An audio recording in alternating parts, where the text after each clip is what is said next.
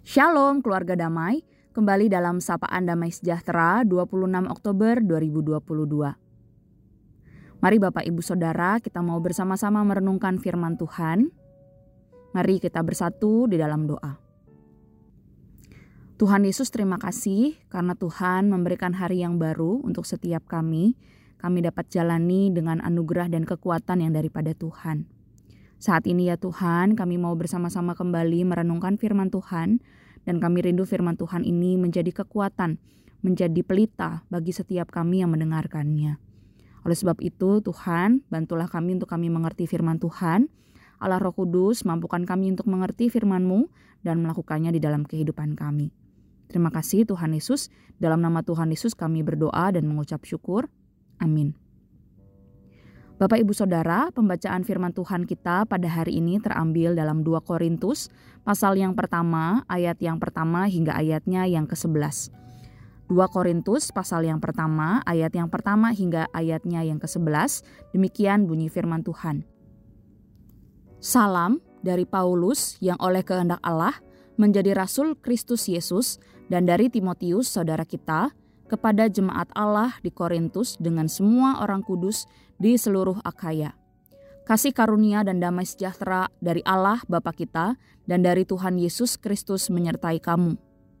Terpujilah Allah, Bapa Tuhan kita Yesus Kristus, Bapa yang penuh belas kasihan dan Allah sumber segala penghiburan, yang menghibur kami dalam segala penderitaan kami, sehingga kami sanggup menghibur mereka yang berada dalam bermacam-macam penderitaan dengan penghiburan yang kami terima sendiri dari Allah. Sebab sama seperti kami mendapat bagian berlimpah-limpah dalam kesengsaraan Kristus, demikian pula oleh Kristus kami menerima penghiburan berlimpah-limpah. Jika kami menderita, hal itu menjadi penghiburan dan keselamatan kamu. Jika kami dihibur, maka hal itu adalah untuk penghiburan kamu, sehingga kamu beroleh kekuatan untuk dengan sabar menderita kesengsaraan yang sama seperti yang kami derita juga. Dan pengharapan kami akan kamu adalah teguh, karena kami tahu bahwa sama seperti kamu turut mengambil bagian dalam kesengsaraan kami, kamu juga turut mengambil bagian dalam penghiburan kami. Sebab kami mau, saudara-saudara, supaya kamu tahu akan penderitaan yang kami alami di Asia Kecil.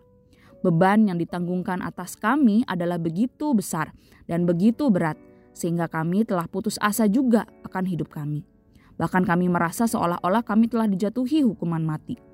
Tetapi hal itu terjadi supaya kami jangan menaruh kepercayaan pada diri kami sendiri, tetapi hanya kepada Allah yang membangkitkan orang-orang mati.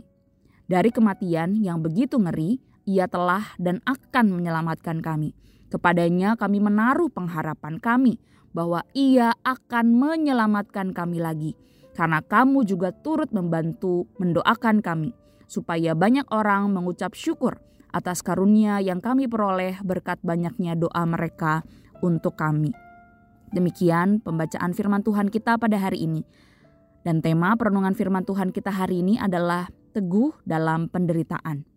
Bapak, ibu, saudara, tidak semua orang bisa menerima penderitaan dengan begitu saja. Ada yang mempertanyakan kebaikan Allah, ada juga yang mempertanyakan mengapa harus dirinya mengalami penderitaan itu dan bukan orang lain. Ada juga orang-orang yang langsung menyelidiki dosa-dosa apa yang menjadi penyebab penderitaannya. Bapak Ibu Saudara, apa yang Bapak Ibu Saudara rasakan ketika mengalami penderitaan dan pergumulan?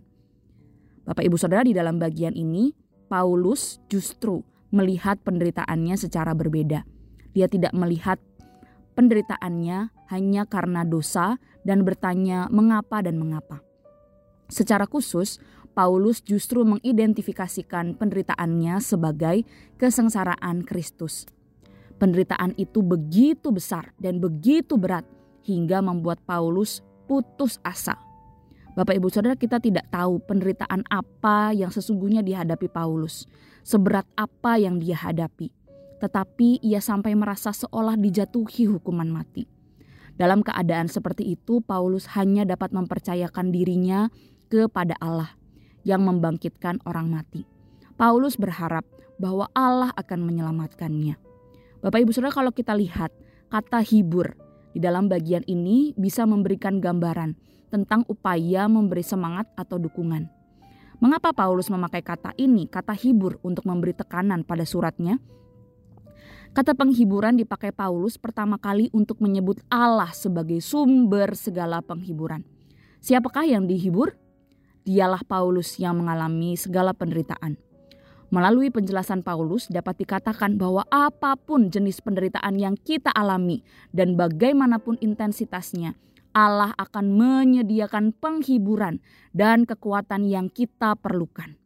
Namun, tidak berhenti untuk manfaat diri kita sendiri saja kita pun harus menjadi agen Allah dalam menghibur orang lain yang juga menderita.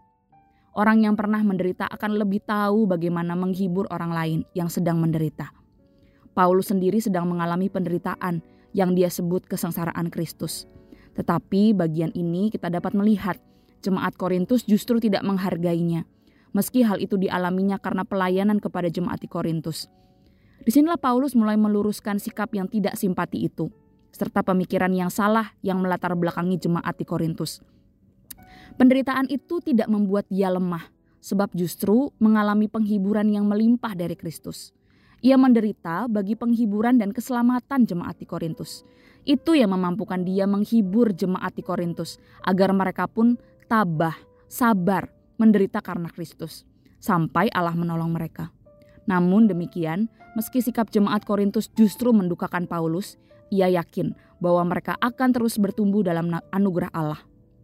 Meski demikian, Paulus menyadari bahwa penderitaan yang dialami adalah untuk kepentingan jemaat di Korintus juga, yaitu untuk menjadi berkat bagi mereka. Karena melalui penghiburan yang dia terima dari Allah, Paulus menjadi sanggup untuk menghibur mereka yang sedang menghadapi penderitaan juga. Bapak Ibu Saudara kunci untuk melihat penderitaan terletak dalam pribadi dan karya Tuhan Yesus agar hidup Yesus menyatakan bahwa ia telah mengubah kutuk menjadi berkat. Asal kita meresponnya sebagaimana yang Paulus lakukan, yakni bagi kemuliaan Allah dan untuk kebaikan kita. Penderitaan dapat menghantar kita makin dekat dengan Allah dan juga makin dekat dengan saudara-saudara seiman. Ingatlah bahwa penderitaan selalu hadir dengan janji penghiburan dari Allah. Inilah harapan Paulus agar jemaat yang melihat dan merasakan penderitaan Paulus tetap teguh dan dalam kesengsaraan yang sama saling menghibur dan menguatkan satu dengan yang lain. Iman bertumbuh secara pribadi maupun secara komunitas yang tetap teguh di dalam penderitaan. Oleh sebab itu Bapak Ibu Saudara percayalah penderitaan yang kita alami karena iman kepada Kristus bukanlah kutuk melainkan berkat jika penderitaan Kristus adalah kepentingan untuk kepentingan kita, maka penderitaan kita bisa menjadi berkat yang dimaksudkan Allah agar orang lain dapat melayan agar kita dapat melayani orang lain yang juga sedang berada di dalam penderitaan. Di dalam penderitaan itu kita bisa mengharapkan penghiburan yang berlimpah-limpah dari Allah. Namun bukan hanya untuk kita simpan sendirian, tetapi agar kita dapat berbagi dengan orang lain yang mengalami penderitaan juga. Oleh karena itu, penderitaan seharusnya bukan menjauhkan kita dari Allah, melainkan membawa kita lebih dekat kepada Allah. Selain itu, juga akan membawa kita semakin dekat dengan saudara-saudara seiman di dalam Kristus. Penderitaan selalu datang dengan janji penghiburan ilahi, dan itu akan mendorong kita untuk memuji dan menyembah Dia, sumber penghiburan kita.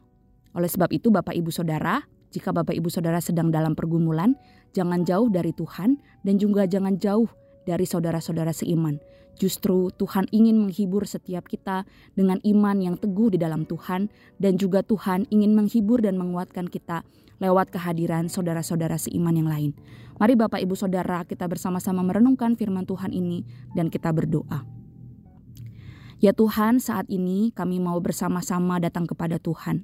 Dengan segala pergumulan, tantangan hidup kami, kami menyadari ada begitu banyak pergumulan, kekhawatiran yang kami pikirkan. Entah itu di dalam keluarga kami, di dalam pekerjaan kami, anak-anak kami, masa depan, dan apa pun yang saat ini menjadi kekhawatiran kami.